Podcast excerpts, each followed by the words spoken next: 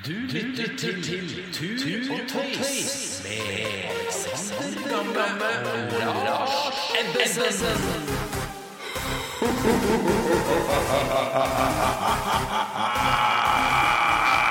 Nå har vi funnet fram notater, eh, Excel-ark, eh, utskrifter, og Lars har gravd seg ned i eh, sin egen hjernebark. Det var jo ikke så dypt, for å si det sånn, så det gikk jo fort. For, for å da eh, gå inn i Antarktis-modus igjen. Og vi ønsker velkommen til Dette her er vel da eh, pod 3. Med ellevill høy nerdefaktor. oh. Antarktis spesial. Ja. Hæ? Vi har jo ikke turt å slippe noen av de to andre ennå. Det er litt redd for, uh, for nerdetingene her. Ja, det er Uh, ekstremt nerdete. Og vi er da i ferd med å gå gjennom eh, Antarktis-historien. Dvs. Det vil si den ekstremt nye eh, delen av historien. Eh, og sett på da med spesielt norske øyne. Wrapper opp fra 80-tallet og fram i dag. Hvor, hvor langt kom vi egentlig forrige gang, eh, Lars? Var det ikke Børge vi holdt Børge, på med sist, da? Jeg Børge, Børge fullførte kryssinga si. Ja, det var, det var jo liksom det som er blitt alle kryssingers store mor, liksom. Og det er jo da Vi prater 6, nei, 97-98. Ja. Det er da han lykkes. Ja. Og da har han jo hatt et forsøk før.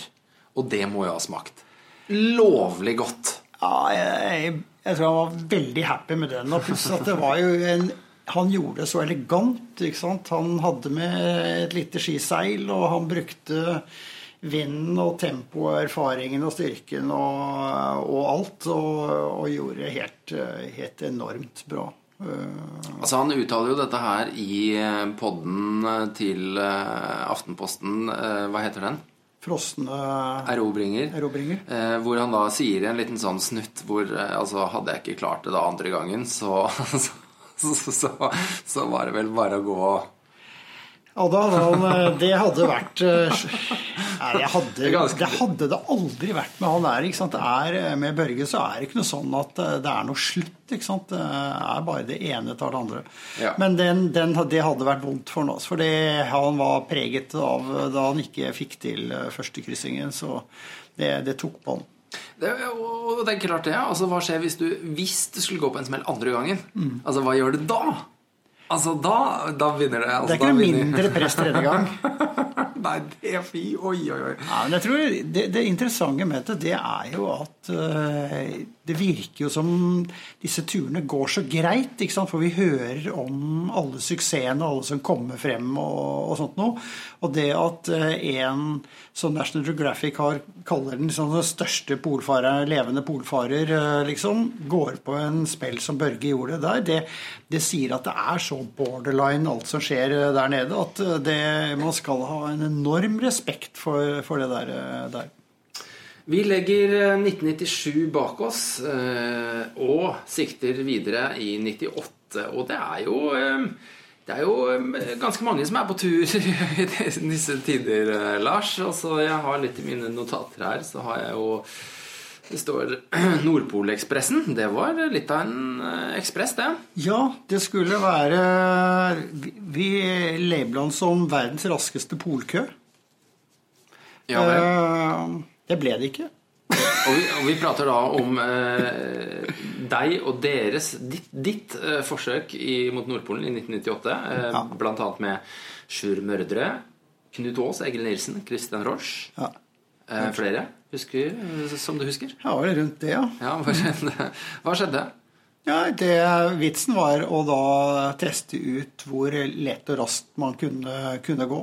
Om det var mulig liksom, å komme ned mot uh, 25-30 dager på den distansen. Fra russisk side? Nei, fra, fra kanadisk side. Eh, og det er jo liksom Forskjellen med russisk og kanadisk er at med russisk, eh, fra russisk side så har du en slags drift i mer eller mindre riktig retning, mens i kanadisk så står jo Polav og dytter mot, så du har motdrift. Du har ikke bare motvind, men du har motdrift. Det går bakover. Ja, motdrift. Nå kommer, jeg, nå kommer jeg eh, på det. Dette her er jo ikke Antarktis, men det er jo så artig med sånne turer. Så vi måtte jo ta en tur nordover. Ja, du syns det. Jeg kan ikke skjønne hvorfor du syns denne er eh, Hvor, hvor, hvor, hvor, hvor fort gikk ja, Lars?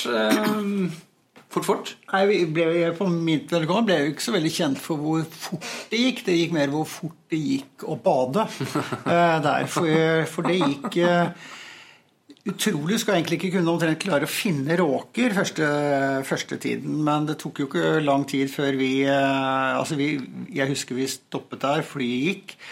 Og så pilte vi ned til den der skrysen som var helt som en sånn der bomba tivoli. Det var helt utrolig. Det var så flott. Og det var bare helt utrolig å gå og finner dette her. Det, det var helt lekeland uh, i 35-40 kuldegrader.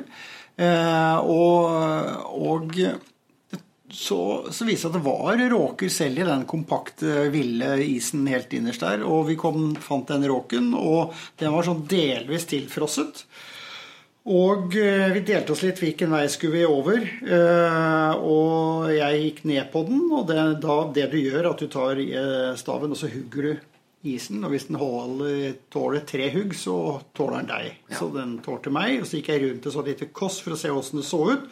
Og der var det atskillig mindre is og mer vann. Og så skulle jeg ta og tenke uff, jeg må teste, jeg teste en gang til på innsida. Så ett hugg, to ord, så var det, plubb, sa det sånn, sånn plopp. Og så gikk staven gjennom, og så så jeg bare alt åpnet seg sånn. Og så gikk jeg sakte ned Hele som skipet gikk faktisk Ja, eh, litt ned, sånn- altså. Med, sånn- med sånn ski Titanic, eh, og pulk ja. og uh, hud og Nei, hår. pulken ble heldigvis stående igjen, men vi, i og med at vi skulle gå så raskt, så hadde vi jo lette pulker, og så hadde vi da en 12-13-14 kilo på ryggen. Så jeg hadde en ryggsekk og ski og staver og pulk på slep. Oh, hvordan er den, hvor, ah, den følelsen når du har ryggsekk og går gjennom?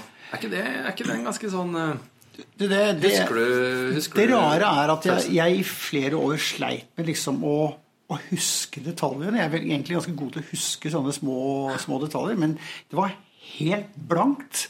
Det der, eh, der.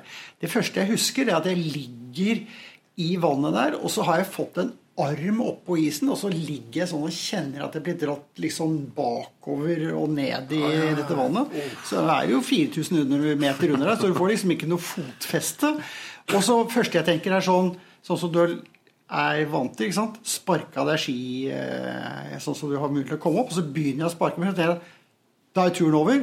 Eh, og så begynner du liksom å tenke motsatt. Klarer jeg å henge fast her, liksom? Ja. Og så ble jeg hengende der, og så hadde de andre gutta sett meg, så de går rundt og kommer ned fra andre kanten, og sånn, så, så fikk de ordna meg opp eh, med ski og staver og, og hele biten eh, der. Og så, eh, men det som var det interessante, var at eh, år eller et par år etterpå så drev Børge og testet ut den der våtdrakten som ble så populær. Hvor han fått Helle Hansen lage en veldig veldig tynn dress man dro på seg. Og så kunne du svømme over åker. Og den testet vi ut ute i Indre Oslofjord i 25 kulde for å sjekke hvordan det funket, og hvordan det var å gå, og langt ut kunne gå på isen og hele greia. Og da fikk jeg jo gått gjennom isen en gang til. Ja, ja, ja. Og det kule at da kom alt sammen tilbake. Og det var bare Jeg bare, jeg bare, bare lå der og jubla etter å ha gått gjennom en gang til. fordi da, da så jeg hvor det, er sånn, det var omtrent som sant, når du står på vannski, og så slipper du. Og så står du der sakte mens du glir. Sånn var det. Bortsett fra var 40 kuldegrader, 40, eller 60 kuldegrader kaldere, da. Eh, og, og sånt. Og da ble jeg Så da da fikk jeg tilbake den, eh, den greia. Så det hadde det vipa seg ut. altså. Men hvordan gikk altså, Var det slutt på turen da for alle? Nei da, det var ikke slutt. Vi gikk, til, vi gikk en halvtime, 40 minutter etter og sånt, til vi fant eh, et bra sted å sette opp teltet, og så må jeg inn og begynne å tørke. Og, så det gikk eh, for så vidt helt greit. Eh, Det, vannet er jo for så vidt mye varmere enn oppe i luften, så, så det var litt sånn egentlig sånn deilig å tisse på seg eh, og, og leve i det en stund. Og så vrir jo det seg mot deg, da, på et eller annet tidspunkt. Så var det inn, og så var det tørke og sånt. Og, og så fikk jeg da disse her eh, etter hvert så berømmelige frostskadene fordi eh, vi har brukt sånn ullkartanker, og jeg trodde jeg hadde fått tørket dem, men neste dag så kjenner jeg, ikke sant, når jeg går, så kjenner jeg liksom at eh, faen, jeg kald på føttene, og så fikk jeg varme igjen, og så ble jeg kald på føttene, og så ble jeg varm igjen, og så gikk jeg sånn gjennom dagen, og så trodde jeg hadde kontroll på det. Og da jeg kom inn i teltet og tok av meg, tok av meg så bare ser jeg på det der Oi, de tærne De så ikke så bra ut. Og det var i løpet av én dag. Det var i løpet av én dag.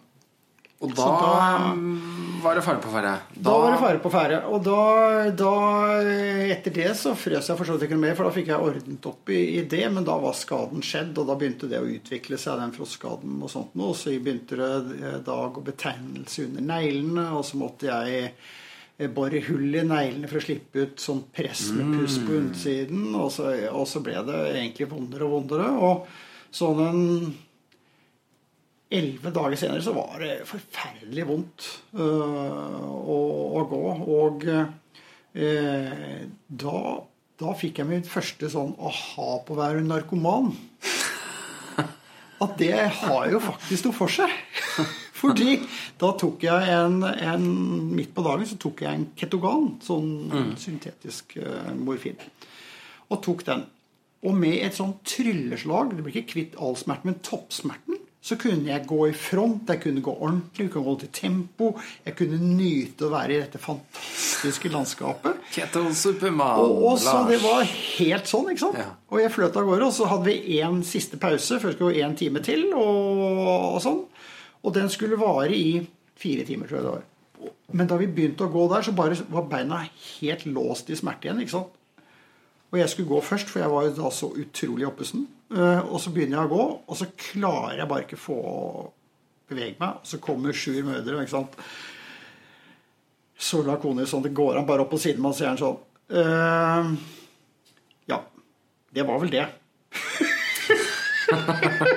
Sa han. Så han Og det, er bare, det han bare brente seg inn i hukommelsen. Det var så forferdelig. Da var det liksom bare Ja, det er over. ikke sant? Det er sånn Ja, det var det. Så, det, så det var det. For meg. De andre fortsatte, da. Du, vi, det var vi, vi, Det var ti minutter digresjon er til nord, men vi har tid til det. Eh, Vi kommer jo alltid i mål med de planene vi har, eh, Lars. Eh, Men vi må jo ta med oss den den Nordpolekspressen der. Der. eh, Vi må jo prate mer om den seinere. Ja, Som alt tar, annet. Ja, vi tar det. Men vi har eh, Da vi, vi, vi er på 98 her nå. Hva skjer, eh, hva skjer i disse åra? Nei, Det skjer ikke så mye med norske øyne, eh, annet enn at den gode norgesvenn Ola Skinnarmo blir første svenske til Sydpolen i, eh, i 98.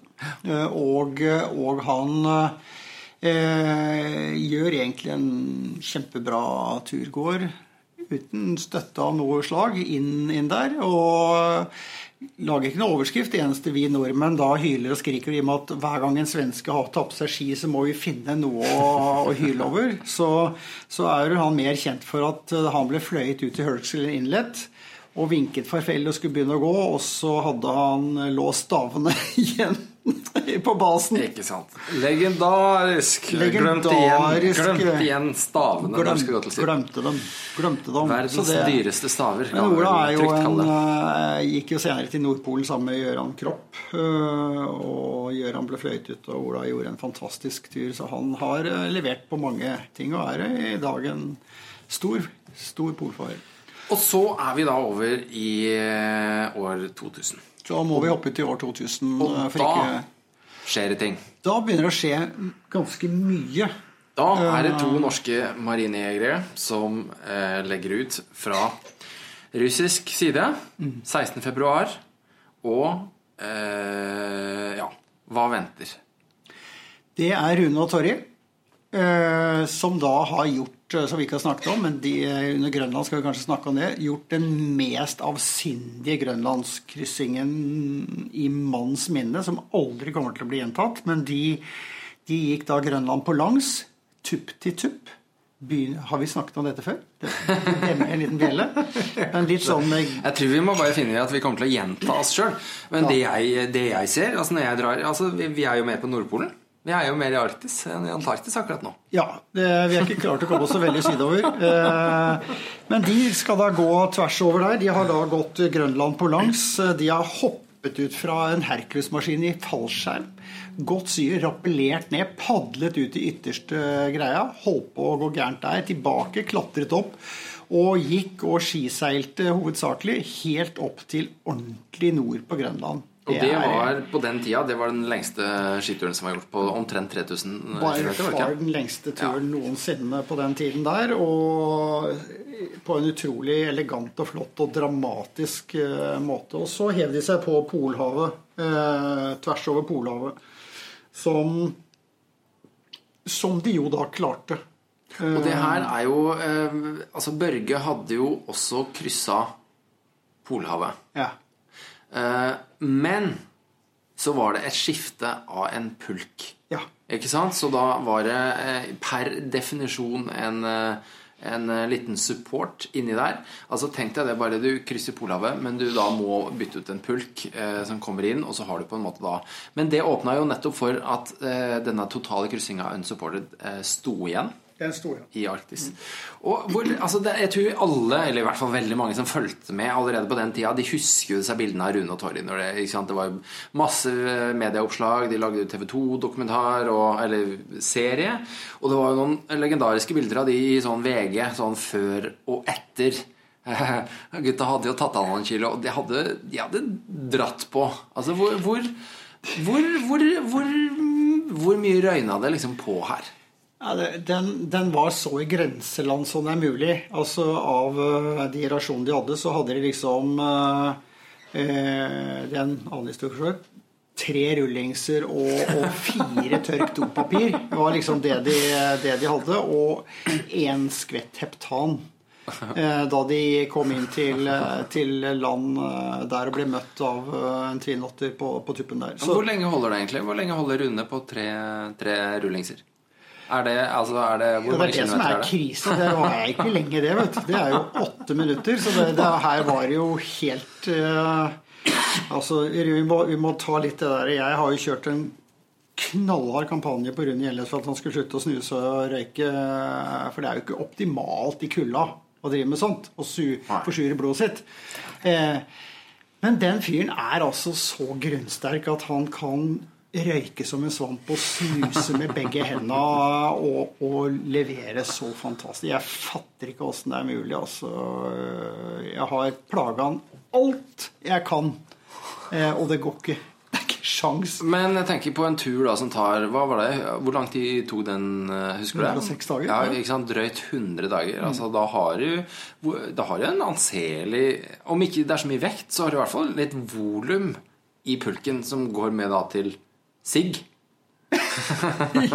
ja, ja, for han har jo ikke med seg røyk som man puster inn, liksom. Det er jo, må jo begynne med en sigarett. Jeg kan ikke røyke.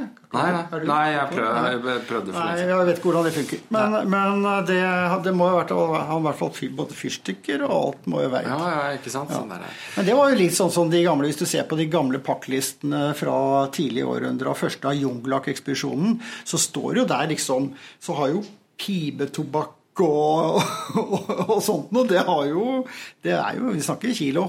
Det gjør vi, og det er, eh, men vi får prøve å dra oss Altså, vi, vi, vi, er, vi er i nord, eh, år 2000. Eh, skjer vel egentlig ikke så mye i Antarktis, sånn som jeg i hvert fall har notert meg. Eh, men så er vi over på 2001. Ja, nei, det skjer jo for så vidt i, i 2000 øh, der, så skjer det jo det at eh, at øh, det er flere, to store ekspedisjoner. Det er jo øh, Rolf Bae og Eirik Sønneland som øh, Ja, starter- tar sin kryssing. Og, og Liv Arnesen og Anne Bancroft begge skal krysse, krysse Antarktis. Eh, og, og den Ann og, og Liv, de, eh, de flyr inn og gjør sin kryssing. Eh, eh, de kommer ikke helt ut i iskanten, kommer ned eh, på, eh, på skjelfen etter Aksel Heiberg og, eh, og blir hentet der. Så de fullfører for så vidt ikke en ordentlig kryssing kyst til kyst, men, men kommer i hvert fall dit og så på det som første kryssingen eh, den gangen. Rolf og Eirik, de, de hadde jo Det er jo egentlig en fantastisk tur som vi burde gjøre en egen greie på. For de overvintret faktisk på Trollbasen. Det var den gangen Trollbasen ikke var operativ om vinteren. De fikk låne Trollbasen. Og hadde med seg en lege og en annen altmuligmann alt mulig mann dit. Og var der på, eh, gjennom vinteren. Overvintret, spiste seg bælfeite. Og, og klatret på alle topper de fant. Også den der toppen som eh, Polarinstituttet ga til eh, han derre Sofias verden. Sofies verden, hva heter han for noe? Han Gorder? Jostein Gorder. Jostein ja. fikk jo en topp som het Sofietoppen eller noe. Den hadde jo de gutta klatret og kalt noe helt annet eh, i utgangspunktet. Uh, jeg husker, så tisset de fra den også. Eh, men det, det, det kan vi kanskje stryke. Jeg syns, eh, jeg syns den altså, Jeg tror de fleste er enige om at den, den turen der var på en måte en milepæl og en banebrytende. Sånn eh, for Altså, vi står i et skifte av epoker her. Av de store eventyra begynner å gå mer inn i kommersielle retninger etter hvert. Men altså, det, det er noe med altså, Du er ganske committa til et prosjekt når du går inn og overvintrer i forkant. Altså, dette her øh, var det de gjorde for 100 år siden. Men det er ikke så mange av nyere dato som på en måte har sagt Du, jeg skal på tur i Antarktis, men for å, for å rigge det ordentlig til, så overvintrer jeg i forkant. Ja. Det er jo, det er jo et er fantastisk eventyr. Det er fantastisk. Det er helt, eh, helt rått. Og, og de, eh, de hadde jo ikke store budsjetter til selve turen, men, men eh, den norske stat var inne og sponset da, med låne, lånehytta og diesel og utstyr og forskjellig sånt noe. Så det er, det er jo en tur som kanskje aldri blir gjort igjen, det de gjorde. Overvintre og så krysse over. og det fine med, med begge de turene ble, ble jo lagt ut fra å bruke den vindkorridoren. Så du begynner med å gå til du kommer inn i vinden, og så seiler du til, eh, til Sydpolen. Og så seiler du egentlig ut igjen også. For vi prater ikke om en vanlig sydpoltur her, for de som ikke er eh, så bevandret med Altså, vi prater fra Dronning Maud land, det er jo en ting, og det ligger uhorvelig langt unna sydpolpunktet. Ja, det er det de gjør, vet. En tur på 3800 km, og det er klart at da, da er en del seiling eh, inne i bildet. Men eh, til gjengjeld altså, er jo vanlig Sydpolen fra standard rute i dag Er det noe sånn 1130-40 Ja, nå? ikke sant? stad. Så det, de Så det er jo fra ja. Igjen over 100 dager. 105 dager, hvis jeg Ja, jeg ikke husker helt feil. Men Lars, du hadde jo en finger med i spillet her på med og på denne turen her. Og så, eh, hvordan var det Hva kan vi si om eh, Var det planlagt at de skulle krysse? Altså, Det var jo masse sånn hemmelighetskremmeri her. Og hva er det som eh, La oss få det litt opp på bordet, hva som egentlig Se, nå sitter Lars og, og, og, kvir og kvier seg litt her, kanskje. Men eh, hva var det mm, eh, Visste Polarinstituttet om alt dette her som var planlagt? Hvis vi nå hopper til 2006 Nei da. Nei, det, dette var jo de, de gutta var jo så dårlig kommersielt eh, kommersielle som det gikk an. Det var jo nesten umulig å få dem til å skaffe sponsorer og committe seg til et arbeid for sponsorer og, sånt noe. Og var mye mer på det Snille onkel-prosjektet, egentlig. Så, eh, så de hadde jo ikke ressurser egentlig til å krysse. Det, det hadde de ikke. Eh, Og det, fordi det som gjør en kryssing så dyr, er nødvendigvis ikke det å være på tur, men det at det heter seg nemlig det at de du bringer inn til Antarktis, skal du også ha ansvaret for, også forlater Antarktis innen sesongen er over. Og det betød at i, eh, i dette her så var det jo ikke rom for mer enn å eh, gå inn til Antarktis. fordi med en gang du skal ha sikkerhet fra Sydpolen og ut der de hadde tenkt å dra, så, så er det en veldig dyr affære. Så de, de eh, eh, gikk litt under radaren og, og gikk dette her. Og jeg husker lange perioder hvor de hadde lite batteri og ringte sjelden og hjem og sånt, hvor folk var, var livredde for det. Polarinstituttet hadde jo da hatt hatt ansvar for å få dem ut igjen. og sånt, Så dette var, dette var en veldig skummel siste del av den turen eh, der, inntil de da kommer til McMurdo og, og det området og har klart det. Fantastisk eh, bra. De gutta var jo helt, helt rå. Eh, Men det, det ble litt sånn typisk standard for senere, det eh, med å At du skulle da ha den sikkerheten, og det ble veldig tydelig gjennom den turen der, da. Men de, ble ikke, de kunne ha risikert å bli tvangshentet og fløy tilbake og sittet med en gjeld for resten av livet, men det gikk, det gikk bra fordi de tok alle litt på senga. og Folk hadde ikke egentlig rutinene og systemene i, i stand for det på den tiden der. Fantastisk. Og gutta var ikke gamle heller. Altså, det, er, jo eh, bare 3-24 år eller et eller annet sånt. De jo, var jo erfarne gutter. Men eh, det er jo Jeg syns det ligger mye i det òg. Å gå for et sånn type prosjekt på den tida, som er jo eh, helt å pushe grensene i forhold til det som er blitt gjort. Ja. På en måte ha en ydmykhet for oppgaven, men egentlig null respekt for distansene. Null respekt. De, de, var helt rå, de gutta, gutta, der. Og de hadde en trygghet på seg selv og et vennskap som, som gjorde at dette var mulig. mulig. Nei, er, vi burde ta den i, i, detalj, for det er mye ved den turen som er, er rått.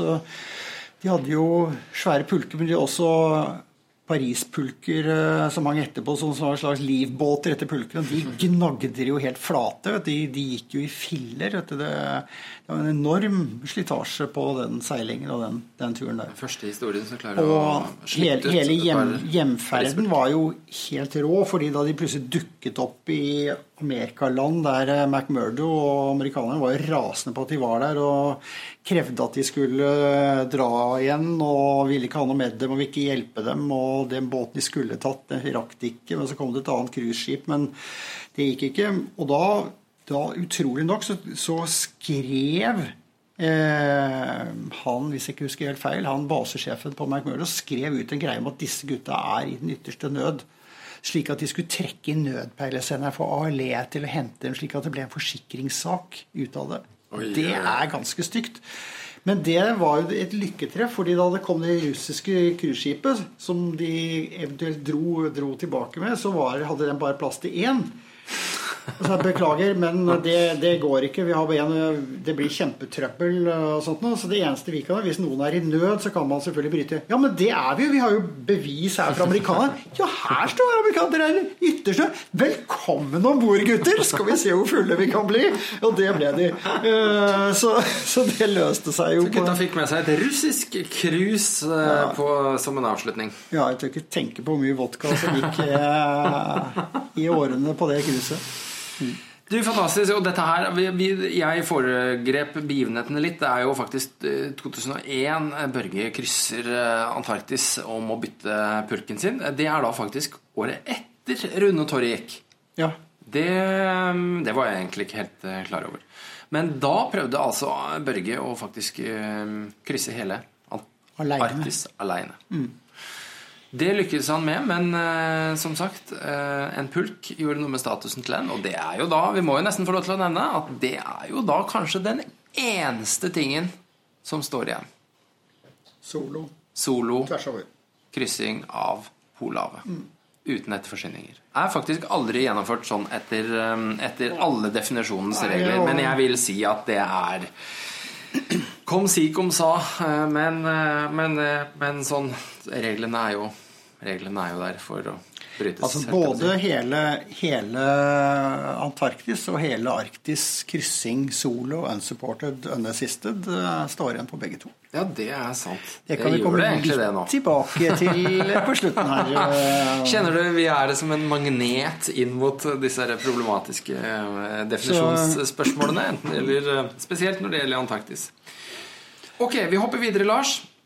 Eh, vi legger eh, Rolf Bae, Erik Sønneland sin tur og Liv Arnesen og Anne Bancroft sin tur i 2000-2001 bak oss. Begge fantastiske turer som eh, på mange måter satte, satte, nye standarder i Antarktis. Og så Hva blir liksom det neste store vi bør ta med da? Ja, Det er jo Rune Gjelnes igjen, hvor han solo krysser Antarktis. Og i 2005. Eh, da eh, er han fra Novo eh, Flyr inn fra Sør-Afrika og trekker pulk, svinepulk oppover, få vind, og så kiter han nå. For nå er kiten kommet, så han bruker kite til å seile inn til Sydpolen og ut igjen på andre siden. Ikke nok med at han skulle ned til der hvor de fleste pleier å merke mørder, men han holdt seg oppe og dro ned til til den italienske Terranova-basen, slik at han endte opp med 4800 80 km. Altså så uendelig langt. Altså. 4000 Og han var jo så redd for Han var jo så livredd for at han skulle ta sine juks på Sydpolen at han ventet til det var natt. Jo newzealandsk tid på Sydpolen. Til det var stille om natt. Og så pilte den gjennom ut på andre siden. for ikke treffe noen engang. Så, så det var eh, Det var eh, Rune, Rune der. Og, og kom ned til den italienske basen gjennom et forferdelig brefall eh, som jeg tror rystet han direkte. eh, for det var, det var voldsomt brefall. Kom ned til den basen. Da var italieneren der. Og så pakket de sammen og dro. Og så satt han igjen i teltet sitt på utsiden av denne låste basen og ventet på det cruiseskipet som skulle plukke han opp. da. Så de dro rett før han kom? Nei, de dro Nei. etter Han var traff dem, og så dro de. ja. Ja, eh, så. Og så satt han der, og det må ha vært litt spesielt å sitte der Det er alene på kanten av Antarktis og håpe at det kom en båt og plukka han opp. Altså. Det er definitivt noe av det jeg husker best fra, boka, fra den boka, fra den turen. Det er når, eh, det er når Rune beskriver dagene og timene nedover de verste brefalla der. Altså det er, eh, det er godt skrevet, men det er, det er en grunn til at det satte seg så tydelig. Altså du er aleine. Ja. Og du skal ned ukjente farvann, og du har ytterst ja, du har kanskje noen helt uh, enkle satellittbilder å se, men som sagt brer uh, rører på seg. Og det her med å på en måte navigere deg eh, dagevis fra liksom i sånne ekstremt sprekkeområder, eh, det er altså for den derre sykebelastninga det er. Og, og da tror jeg nok sjøl Rune gjerne skulle ha vært to. Jeg tror helt sikkert det. Altså, du kan tenke deg, Da har han da vært eh, Jeg vet ikke hvor mange dager han holdt Ja, på. det er vel 100 men, eh, 109 dager eller noe sånt Ja, hele turen, men da, jeg. 106. da har han vært? Det, Du kan si det å kite og skiseile er jo fysisk lettere på mange måter. Eh, Det er mye, mye lettere. Men den mentale greia på å gjøre distanser og holde på, ikke tryne, og det er skavler og så strugi, og du skal passe på at ikke pulken slår seg i hjel, du skal holde tempoet, du skal holde høyden, du skal passe på? Det er en enorm mental greie her. ikke sant? Så han var nok ganske mentalt sliten, og så ender han opp i en sånn der vaskemaskin av et helvetes skumbad av, eh, av sprekker. Det, det Ain't over till the fat lady sings. Eh, Jeg husker vel eh, Altså, det der er vel kanskje den første turen hvor eh, kiting ble introdusert på en sånt nivå at eh, han hadde med to par eh, ski, i hvert fall. Hadde med randårski med stive støvler Ja, ja, ja. Og, og vanlig mm. fjellski. Og det er akkurat i denne perioden her hvor på en måte kitingen tar for seg i Antarktis. Hvor etter denne turen folk begynner å kite rundt omtrent på kryss og tvers i uhorvelige distanser rundt om. Ja. Eh, men eh, vanvittig jeg, Nå har ikke jeg helt jeg skal ikke, Det jeg mener eh, Noe jeg mener fra forberedelsene til Rune på den turen, det var jo at altså, det er jo et prosjekt som har vært planlagt i atskillige år. Det husker jeg fra den tida. Men, men hvis jeg ikke tar helt feil, så uh, rett før uh, Rune skulle dra på turen, så uh, måtte han trekke to visdomstenner. Så han dro liksom nedover med sånn der- med sånn der svær kjake. Altså, apropos, vi har prata om tannleger og tenner tidligere. Men akkurat det altså, det viser seg det er liksom det der ekspedisjonsfolk og tenner. Altså, det, det viser seg at det er liksom det folk er nesten sist ute med å fikse. Og sjøl Rune på en sånn tur Det er liksom det siste før han, gjør, eh, før han drar ned til Sør-Afrika. Hvis jeg ikke husker helt feil, så, så trekker han av to tenner. Så har han i hvert fall kvitt det problemet.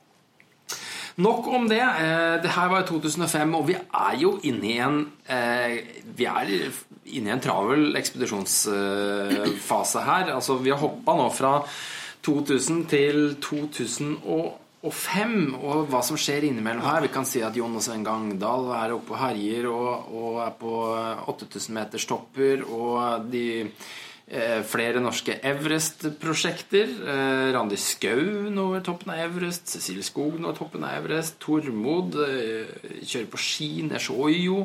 Tormod Granheim. Mm. og det er Lars Monsen. Han eh, har jo sin legendariske eh, Canada-kryssing i 2000, 2002. Eh, og ikke minst Randulf Valle og Bengt Rontmo eh, krysse Nordvestpassasjen på ski. Og den er verdt å, eh, å ta med. Mm. Det er et sprekt prosjekt, og, og, og resulterte også i en fantastisk eh, velskrevet bok. Ja, det, det var en eh, Den har ikke fått så mye oppmerksomhet som den burde fått, men det er jo egentlig en historisk og fantastisk tur de, de gutta gjorde der. Også.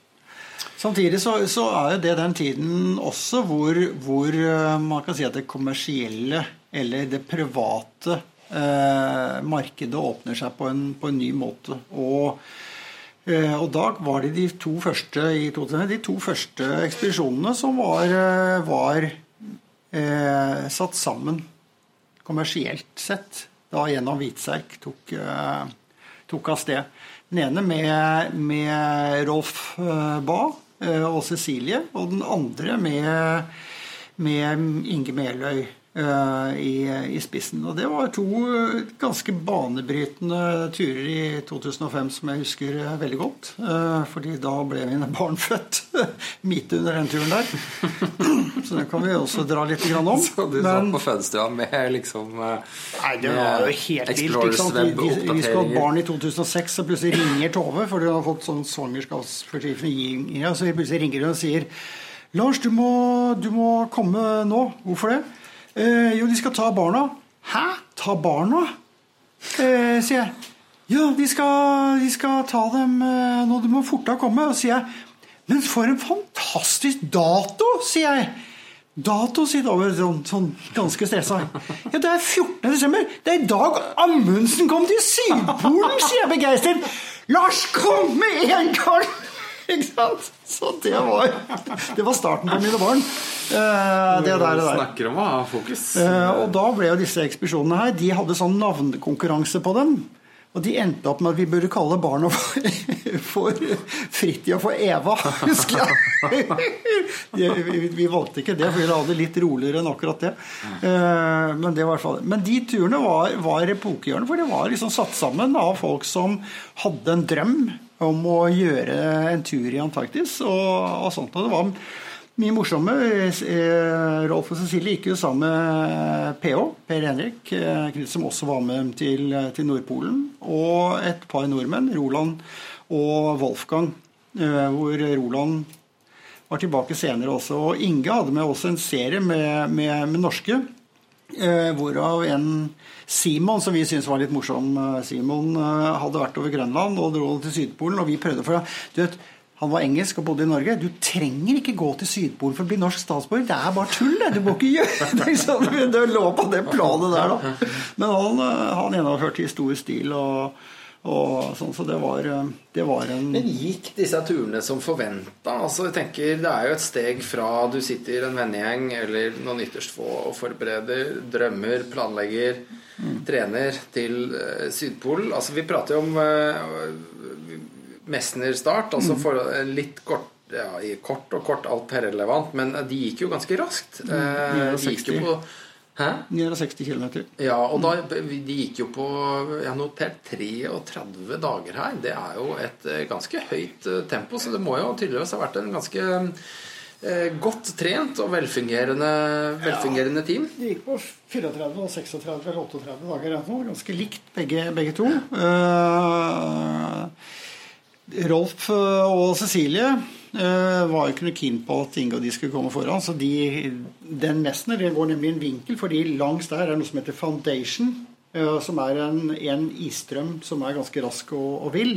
Så du går liksom rundt den for ikke å komme inn i trøbbelet. Til du ser omtrent ti mann, og så går du rett opp på, på polpunktet. Litt sånn vinkel. Og, men Rolf og Cecilie, de, de de tok ikke sånne smålige hensyn. De kutta svingen mye mer enn Inge og og, det ble jo mye finere bilder, da. På den, den turen der. Men det var, det var eh, to veldig bra gjennomførte turer. Eh, Rolf og Cecilie hadde jo da fordi Cecilie gjerne ville bli eh, ja, gått fra kontinentgrensen og inn eh, og sånt. Men første dagen så skjedde det at de ble satt av, og så gikk de, og så kom flyet forbi bare som vinket mens de gikk, og skulle ta et bilde av mens de gikk. Ikke sant? Og da var det en, en tysker vi hadde med, som vi hadde hatt mye med å gjøre, som vinket. Og idet han vinker, så tryner han i en skavl. og ramler og ødelegger ryggen. Og så holdt de en gående sånn dør, for at dette gikk, var helt ødelagt. Liksom måtte komme og hente den. Da satte de seg pulken og gikk de tilbake for å være sikker på å komme utenfor kontinentgrensen før de gikk, gikk videre inn. og sånn. Så det var de, eh, Frøken Skog tar liksom ingen sjanser på det greiene der, så hun skulle ha det, ha det skikkelig. Så da måtte de, måtte det. Men så, så går det for så vidt Jeg ser ikke mye annet før Bengt Rotmo faktisk gjør sin første Antarktis-tur eh, og tar en, en tur fra Hercules Inlet i 2007 eh, med også en gjeng eh, nordmenn som er eh, med veldig mye kjente navn man har hatt med i, eh, på, hadde hatt med på mange hvitserkturer på den tiden. Og, eh, blant annet eh, en jente som heter Gromette. Eh, jeg kaller henne noe annet da. Kall henne Kari kanskje nå. Eh, her. Ja, det er viktig med oh, det er hun som eh, Hun hun har gjort meg sintere enn noe menneske i verden. Oi. Det var helt, helt forferdelig. Altså. Det, stakkars jente. Hva skjedde? Nei, det var fra, vi, Hun var med å krysse Grønland sammen med og så hadde vi skiseil. skulle vi prøve å skiseile midt oppå der. Og så, og så får hun til plutselig å seile, men hun seiler da mot Kanak istedenfor istedenfor vestkysten. Så hun bare drifter av gårde, og så er det så lite vind at jeg klarer ikke å ta henne igjen. Så måtte jeg til slutt bare legge fra meg pulk og bare løpe etter henne alt jeg kunne. Og hun seilte og seilte. Hun har aldri fått noe å seile. Bare seiler og seiler. ikke sant? Og da plutselig så legger det, da snur det, snur det. Da er jo de andre borte. Det er jo liksom bare horisont. Og når jeg kommer frem der, så bare går jeg sånn stille og ser bare Ok, det gikk fint. Det er en fin dag. Det er god sikt. Det er ingen fare. Alt bra. Teller til ti. En, to, tre, fire, ti. Ja da, alt teller på sauer for sikkerhets skyld. Jeg er helt rolig. Og så og så te- tente jeg som sånn dynamittgubbe. Stakkars. Og jeg ble så sinna. Og da jeg gikk fra henne og begynte å gå tilbake til henne Fy faen, så flaks at jeg ikke døde! Det, var sånn adrenalin sinna. Bare på ryggen. Ufattelig greie. Men jeg, jeg har hørt at hun bruker det i foredraget sitt. Altså, det er tydelig at hun ser på det med, med Men hun var med der, så hun har gjort Det var eh, mye Kari. Vi kaller henne Kari. Kari. Ja. Og så var Lars Mausetager med oss, som også en av, nå en av de store som er eh, faggutta i, i Hvitserk i dag. og sånn, Så det var mange, mange bra med på, på den turen. Og så hopper vi videre til 2008.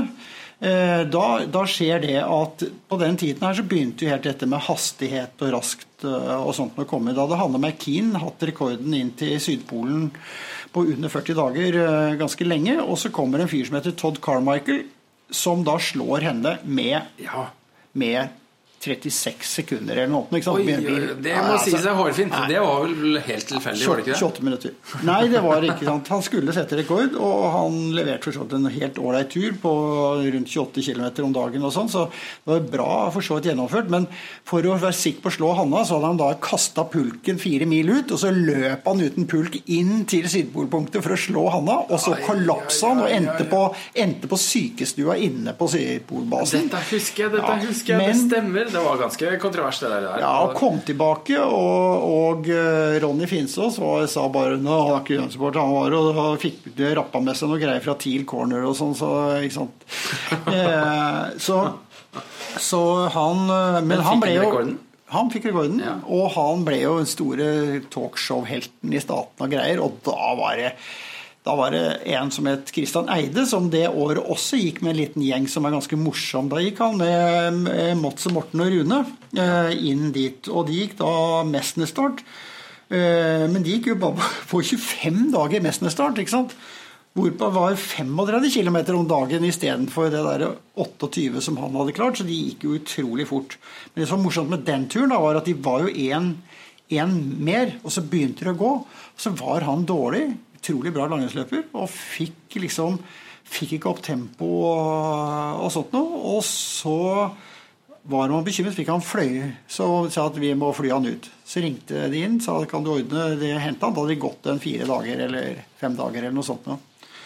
Og så sa jeg til Christian at eh, ja da, det skal jeg fikse. Og så ringte han tilbake. Ja, de kan komme om eh, to-tre timer eh, og sånt noe. Og så sa han men nå må dere jo ta det flyet tilbake til start, og begynne en gang til. Og så ble det helt sånn Hallo? Sånn stille og sånn, øh, Shit, jeg må ringe deg tilbake. Så ringte han tilbake 20 minutter. Ja, vi ble med det flyet tilbake. Så dro Fordi de de hadde, tilbake hadde til de gått et stykke? Hadde de ikke, Jo, de hadde gått i fire-fem dager. Ja? Og så Og det er ganske rått. da, Så satte de seg på det flyet som skulle hente han, eh, fly ut han, og så tilbake til start. Og så begynte de en gang til, og så gikk de på 25 dager. Men det Antageligvis så gikk det jo fortere på grunn av det. Tror du ikke det? Altså De har gått seg varme, de har gått seg form. Ja, de får kanskje- jo Og så får de kanskje en halv dag med litt sånn eh, at de på grunn av at det skjer. ikke sant? Så de, de er jo egentlig bedre rusta enn noen gang for å gå fort. Ja da, Men det mentale er jo ganske tøft å gjøre det greiene. greiene. For det, var, altså. det er ikke noe, de første dagene er jo ikke akkurat eh, nedoverbakke. Eh, så det var ordentlig stilig. Og da viste de liksom at det, det kunne gås fort der, da. Uh, det var det som var det viktige med, med det. Og de gutta kom jo faktisk i Guinness rekordbok og greier for å, for være 25 dager. og. Så det var en morsom, morsom tur eh, å ha med å gjøre, med en veldig, veldig sterk gjeng, da. Og eh, i det samme året så er det også en rar liten ekspedisjon med to jenter. Eh, Ine Lill og Rita, som, eh, som Gabrielsen og Glenne, som klatra Vinsen og gikk fra Vinsen inn til Sydpolen. Og da står ikke oppført noe sted fordi de da gikk De var ikke en klassisk fra kontinentkanten eller kysten eller noe, men gikk den turen eh. Den er jo lang nok. Den er jo 1285-1300 km. Det er en veldig lang tur. Og de gjorde den på, på, på en ekstremt bra måte. Og de, de var de siste som ble hentet ut av Antarktis det året. Ja, Hvis jeg ikke husker helt feil, så ble det, det var forsinkelser. Og de Ja. så at tidsskjemaet begynte å, øh, ryke øh, Ja. vanvittig. Og så hadde de noen sånne vanvittige støt på slutten. ja, de gikk så fort og bra på slutten, de jentene. De var så sterke. Og ALE jubla og hylla dem oppi hos jenter. Og de kom seg inn til syne på siste dagen mulig og ble fløyet ut. Det er en utrolig morsom uh, greie. Og så hopper vi til eh, 2010. er det du har noe i mellomtiden? Nei, jeg tenker bare at eh, denne hastighetsturen til gutta Altså Nå begynner vi altså fra På sånne type turer eh, så er jo øh, jeg vil si dagsetapper over 20 km med tung pulk i start, Altså det er, det, da er det liksom bra. Og så 25 når du kommer opp på det i snitt. Da begynner det å ligne noe. Mens nå, eh, seint opp på 2000-tallet, så begynner liksom Nå er dagsetappene på sånn 35 pluss opp mot 40. Og i snitt, gjerne. Eh, så det skjer jo Det er jo kanskje en det er jo en naturlig utvikling. Når, når turer er gått, så begynner man å gå på nye måter, og så er det alltid noen som lar seg trigge av den derre klokka. Ja, altså det, det vi kan snakke litt om hastighet. Fordelen med å gå, gå fort istedenfor sakte er jo det at hver dag du sparer inn, er en kilo pluss, liksom. 1 kilo til 1,3 kilo i fuel og mat. Så, så går du raskt og har styrke til det, så kan du kutte vekten, som gjør at du går enda fortere. Så det er en veldig positiv greie det å ha hastighet og være godt trent. Og på den tiden her så begynner faktisk de som går å være veldig godt trent og veldig fokuserte og, og flinke. Og så ble pulkene gikk fra å være plast til å bli karbonkevlar, og så fikk man eh, bedre feller, og så eh, fikk man lettet en del ting her og der. Og så begynte man å få erfaring, slik at eh, ekstrautstyr som man hadde med, og reserveutstyr og sånt, og det trengte man ikke. Så man kutta vekt og, og, og, økte kunnskapen ganske mye. Og, og, det ga jo veldig store resultater på rundt eh, denne tiden her. Og ikke minst for Cecilie og Ryan Waters, som da gikk til eh, Gikk eh, krysset eh, kontinentet. Legendarisk tur, det også. Vi Legendarisk tur. 2009, gjør vi ikke det? 2009, 2009-2010 gikk, eh, Og Cecilie ja, gikk de. eh, Og, eh, og de startet da fra Berkner Island. eh, Og eh, gikk da inn til Sydpolen og gikk ut igjen ned Aksel Heiberg og ble plukket opp ute på Skjelf. Og de var også sånn som pushet grensene. De var vel også de siste som ble plukket opp. De gikk på harde livet for å, for å ikke måtte stoppe turen før, eh, før de var over kontinentgrensen, og, og kom seg ut på Rossskjelfen med et nødskrik og ble, ble, hentet ut der helt på slutten av sesongen. Så det, de hadde nok hatt lyst til å krysse tvers over, men, men, tiden var ikke i nærheten av det. Men de gjorde vel da den lengste turen til da, etter hva jeg vet, som var eh, hvor du hadde trukket alt uten noe assistanse. Ja, fordi det er jo på en måte det nye med denne turen. Det er jo altså Børge kryssa, men uh, seila. Mm. Og mens her var det da tilbake til uh, back to basic. Trekke alt. Her var det trekke alt. Så det er liksom en to uh... Ikke lov å strekke ut armene og, og, åpne opp jakka for å få ekstra vind i, i seilet. Du, du må gå med slikk dress og ikke få lov til å Ja. Så, men, men det, De gikk jo da mer i kontingentgrensen. De begynte på, ute på Berkner. Uh, ikke helt på nordenden, men de begynte i hvert fall der. Og så, og så gikk de da ned til det som er kontingent. Her er vi litt sånn, Nå må vi begynne å forklare litt, fordi det er jo her er det flere ting som, uh, som skjer. På denne tiden her så, så, begynner det å skille mellom de som setter uh, nye standard ting som ikke er gjort, Også de som er på tur for å for sin egen del og få, få sin, egen, sin, egen, drøm oppfylt, eh, kan du si. Og kontinentet på Antarktis det er definert ved en landområde der hvor eh, liksom havnivå, isnivå, er på, på det. Det er definert. Det som du også har rundt Antarktis, det er den permanente isen som har glidd fra Antarktis og utover, som er en permanent landis som også går helt ut til eh, kysten eh, og rundt kysten. Eh, og for å krysse Antarktis så må du gå kyst til kyst. Ikke det at du trenger å dyppe en tå i vannet, men mer eller mindre kyst til, til kyst. Og, og, det var det Børge gjorde. Han startet på nordenden av, av Berkner, hvor du ser faktisk skruis og, og skjønner, og det er pingvinkoloni rett der borte og sånt noe, så det er liksom kontakt med havet. Og så gikk han tvers over til hav på andre siden. Eh, til eh, McMurdo og Scott-basen. Eh, og, mens de andre, fordi den avstanden er så enorm, så er det ingen som har vært i nærheten av å kunne krysse og gjøre det innenfor det tidsvinduet som du har. Ja, for tidsvinduet Når vi prater om det i Antarktis, så er det jo, det er jo et elendig sted å være på tur om vinteren. Da er det mørkt og ja. kaldt. Og det er kaldt, det er veldig kaldt. Så eh, når du sier tidsvindu, så er det da når ALE, altså logistikkselskapet, har på en måte åpna rullebanen, og det vil si fra en eller annen gang i oktober ja, til ute i februar og Oktober-november-skiftet, ja. så, så, starter sesongen. De som skal på veldig lange turer, får lov til å sitte på med den flighten, første flighten inn som tar inn mannskap, slik at de kan komme tidlig ut. Og så er det til de flyr ut igjen, som er helt i slutten av januar. Sånn 24., 25., 26. januar. Det er slutten på sesongen. Fordi etter det så er det ingen rescue, sikkerhet og sånt noe. Så du må klare deg innenfor det tidsvinduet der. Og det vil si at du har omtrent Hvor lang er en vanlig Antarktis-sesong? Tre måneder?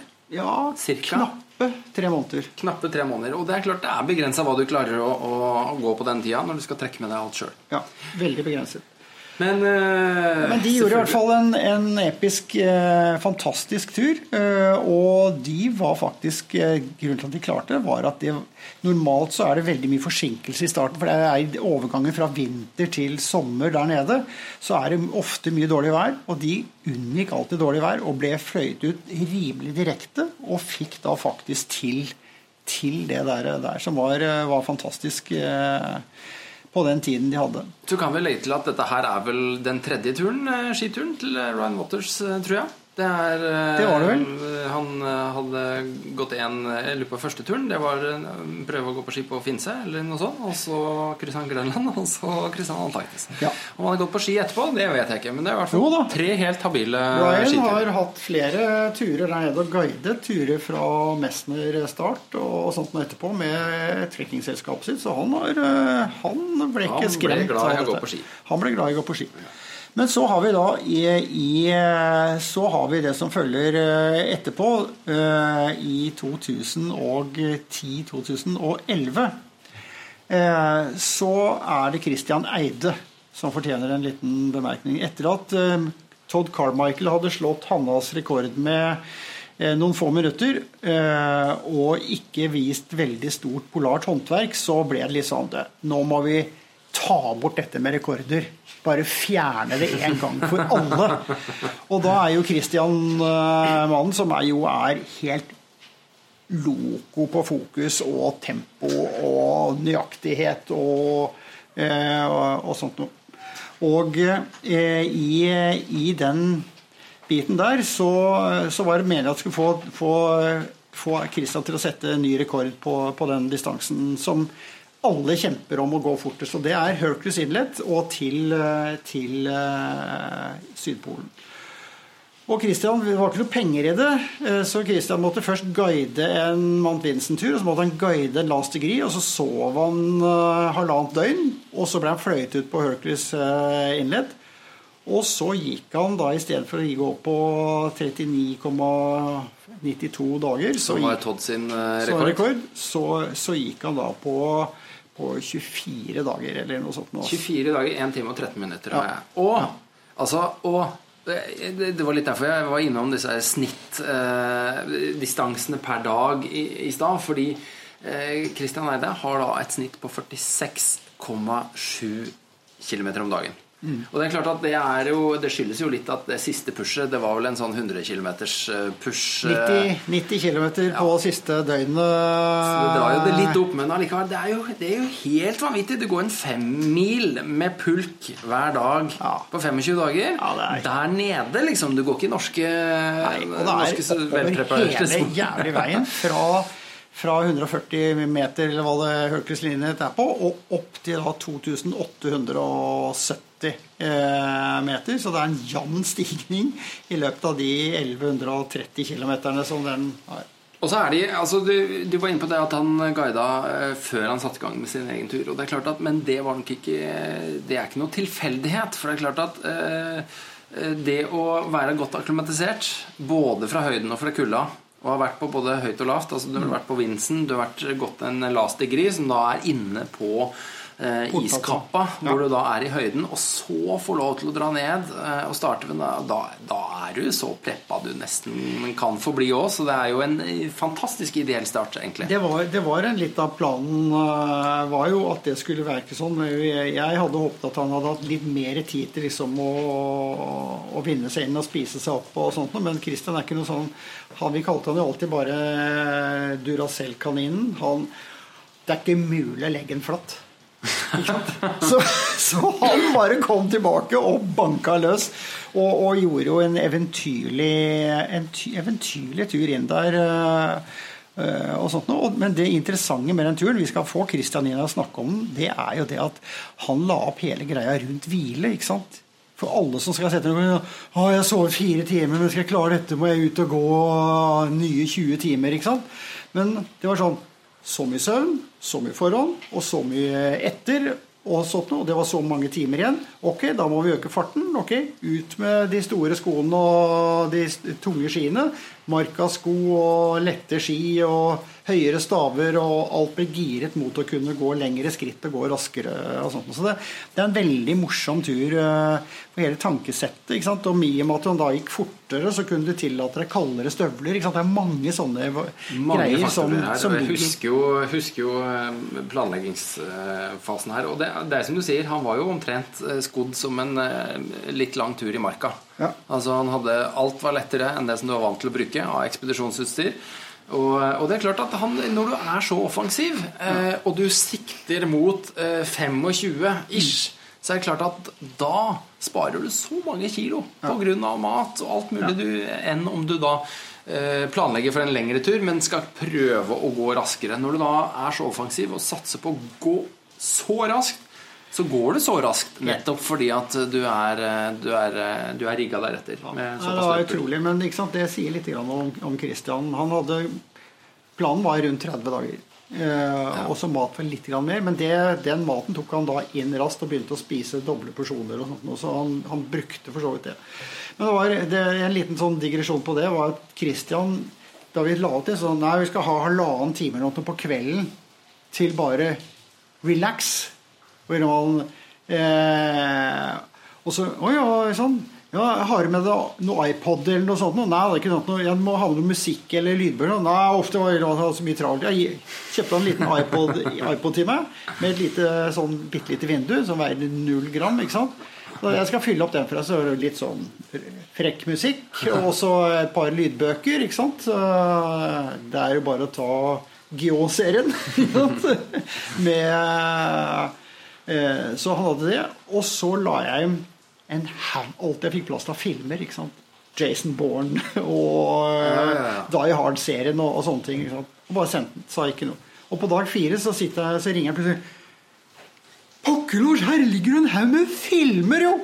Yes! Du sa du ville slappe av med huet ditt. Vær så god, slapp av. Så, nå der, blir det eh, filmkveld. Det er fantastisk. Og han lå han så på film på iPoden sin, hvis Ja. jeg ikke husker helt feil. For på den tida så var det, det var skjermer, og du kunne faktisk se på filmer. Ja, og den er jo ca. sånn 1,2 tommers. Ja, eh, det er lite. Ja. Og Christian med det synet sitt, eh, det var, men det var, det var kult. Fordi han tok det veldig på alvor, det med å da fjerne huet sitt fra det stresset. da. Ok, vi får fyke videre, videre her. Um, Det er jo masse som skjer i denne epoken her. Altså, vi har jo glemt å si noe som er ganske vesentlig. Det er jo 100-årsjubileet-sesongen. Det For, det. eh, Så, så det har jo eh, Det er jo mange som satser nedover. eh, 100 år etter Ja. Scott og Amundsen. Og det som eh, En liten viktig sak her er jo at ALE, igjen dette logistikkselskapet, de har jo en litt lengre sesong pga. jubileet. Ja. Altså De flyr litt tidligere inn og litt seinere ut for å få tid til alt som skal skje der. Mm. Og det, eh, det, var jo, eh, det var jo en viktig faktor til at jeg eh, kunne faktisk gå den lange turen. Inn og, inn og ut. Det er nettopp fordi at det var litt ekstra lang sesong. fantastisk Fantastisk. Veldig bra. Jeg husker jo da du holdt på med det greiene der, da var jeg utrolig usikker på om det var gjennomførbart. Det var så kult, fordi det var liksom så deilig med noe så Faen, det har jo, har jo ingen prøvd. Er det mulig, liksom? Det var, det var veldig deilig med det prosjektet ditt. da. Det var veldig Det var Det var Altså, det tok så lang tid før jeg på en måte spikra den planen på veggen. Altså, jeg husker Det første jeg tenkte, det var egentlig bare å være 100 dager i Antarktis. Gå i ring, eller gjøre noe sånn helt meningsløst. Bare bo der ute være på tur. og, og, fordi jeg hadde egentlig ikke en sånn drøm eller plan om, om én sånn enkelt uh, tur. Uh, men så skifta jo det etter hvert. Jeg husker ikke akkurat hvordan jeg kom på det, men jeg, men jeg så jo da på uh, Ja, at det der var en sånn gjenglemt klassiker som ingen hadde fullført. Å gå, gå inn og ut. Og det, var, det er jo langs Hercules Inlet, eh, vanlig ruta. Eh, mens alle som da hadde gått inn, hadde flydd ut, eller gått en kita ut, eller gjort en annen variant. Så det var eh, Det var veldig få som hadde kitet. Det var bare den der kanadiske familien McNally som hadde, hadde gått inn og så kitet ut. Det var nesten ingen som gjorde den tur-retur-greia i, i det hele tatt. Så, så det var Den turen din, den må vi ta i ordentlig detalj, føler jeg. For det er mye morsomt. eh, mye morsomt. Mye rart og mye moro. Det skal vi nok, vet du. Og så er det Men det var jo mye andre ting som skjedde der det året. Det var jo et enestående år. Eh, statsministeren var der. Ja. Han gikk jo ikke så langt, men, Han gikk igjen, eh, men det morsomme var eh, Vi hjalp jo statsministerens kontor med, med dette. Det var en annen politiker som egentlig hadde lyst til å gå inn eh, Gå inn til Sydpolen eh, det året der. Jeg tror ikke jeg skal røpe det navnet. Eh, men Erna? så Det var ikke Erna! Det var Trine.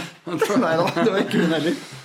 Tenkte eh, Siv og Trine og Erna hadde gått inn der. Det, det hadde skiftet det politiske, visuelle bildet ganske, ganske mye. Eh, Men eh, så kommer plutselig statsministeren eh, Jens Stoltenberg og, og ville inn der, og da, falt en, da trakk han andre politikeren seg stille og rolig ut av, ut av det.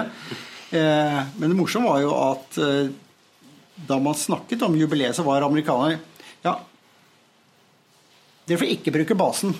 Ingen får komme inn her, sånn som amerikanerne er. vet du. Dette, dette, vi, Ja. dette er vårt område. Så de ville ikke ha noe med det å gjøre. og sånt, og Inntil plutselig statsministeren kom på banen og sa du, dette er Norge, statsministerens kontor. Vi lurer på jubileet. Ja, da var de alle hjertelig velkomne! Da var det banketter og hele greia. Så han snudde opp ned. og Han var en som gjorde at dette ble virkelig en, en markering der hvor amerikanerne omfavnet alle for en gangs skyld og, og fikk til den biten der. Og han var så på den ballen der personlig. og ordna opp og skulle ha alle som var med inn der, kjøpte ordentlig utstyr etter våre utstyrslister. Skikkelig norsk utstyr. For først hadde de tenkt deg, fordi de hadde et sånt tilbud fra, eh, fra utenlandske greier. Og så jeg bare Skal dere stå i utenlandske klær som statsminister? Det tror jeg ikke. Nei, Nei, nei, nei. det var sant. Det skulle de nok helt ikke. Så de kjøpte full pakke med ting privat og, og inn der. Tove hata meg på den tiden, for min kone, fordi eh, jeg måtte kjøpe alt dette og så få igjen penger. Så Toves eh, mastercard eh, brant jo opp i denne seansen med å finansiere statsministerens kontor inntil jeg fikk tilbake pengene fra disse her. Det, men det ble jo da et kjempejubileum eh, der. Det var veldig få som rakk frem, for det var en ganske tøff sesong. Eh, Du merket jo det på starten av din, og, og de andre turene som skulle kommet inn, det var jo da Vegard Ulvang og Harald Dag Gjølle og, og, eh, og disse som hadde den klassiske turen inn eh, fra hvor de gikk hele Amundsen-ruta. Altså fløy ut og tok hele Amundsen-ruta inn. Det var helt utrolig flott. Altså. Ja. Og de gutta, og de gutta blogga jo og kunne masse og sånt, men var, rakk ikke da frem eh, til det, slik at eh, Steinpe og, og Jan Gunnar Winther, som var sjef for eh, Polarinstituttet, de fløy inn for å De måtte få med seg, få med seg selve jubileet, mens eh, Vegard og Harald Dag eh, de gikk hele veien inn og kom inn litt annet etterpå. Men det, det var veldig kult at noen gikk hele den, den ruta der. Og så hadde vi Christian Eide som ledet en ekspedisjon som gikk også opp Aksel Heiberg. Og Asle T. Johansen hadde en tur som gikk opp Aksel Heiberg. og Det var mye som skjedde der. Og Christian hadde jo med seg en gjeng som faktisk da seilte ut og krysset kontinentet eh, det året der. Og hadde med seg han Theodor Johansen, som ble den yngste nordmann til å nå Sydpolen. Og yngste i verden til å krysse Antarktis-kontinentet eh, og sånt noe. Han hadde også med seg Silje. eh, som han senere fikk barn med, så det var jo tror, Det kan jo ikke ha skremt dem veldig. Eh, så hun skal ha en ekstra stjerne for å ha holdt ut det kjøret til Christian, og valgt å få barn med den etterpå. Så, så, så, det, er- så det, er en, det er en morsom tur med mye, mye som skjedde der. Også. Fantastisk. Skal vi, uh, har, skal, skal vi rappe opp der? Nå, ser jeg, nå har vi holdt på ganske lenge. Var det? ja. Jeg lurer på om det er, men er, igjen noen av våre 17 lyttere. Om de er igjen om de, de fortjener nesten en T-skjorte, de, som, Ja, de de som hører på akkurat det her.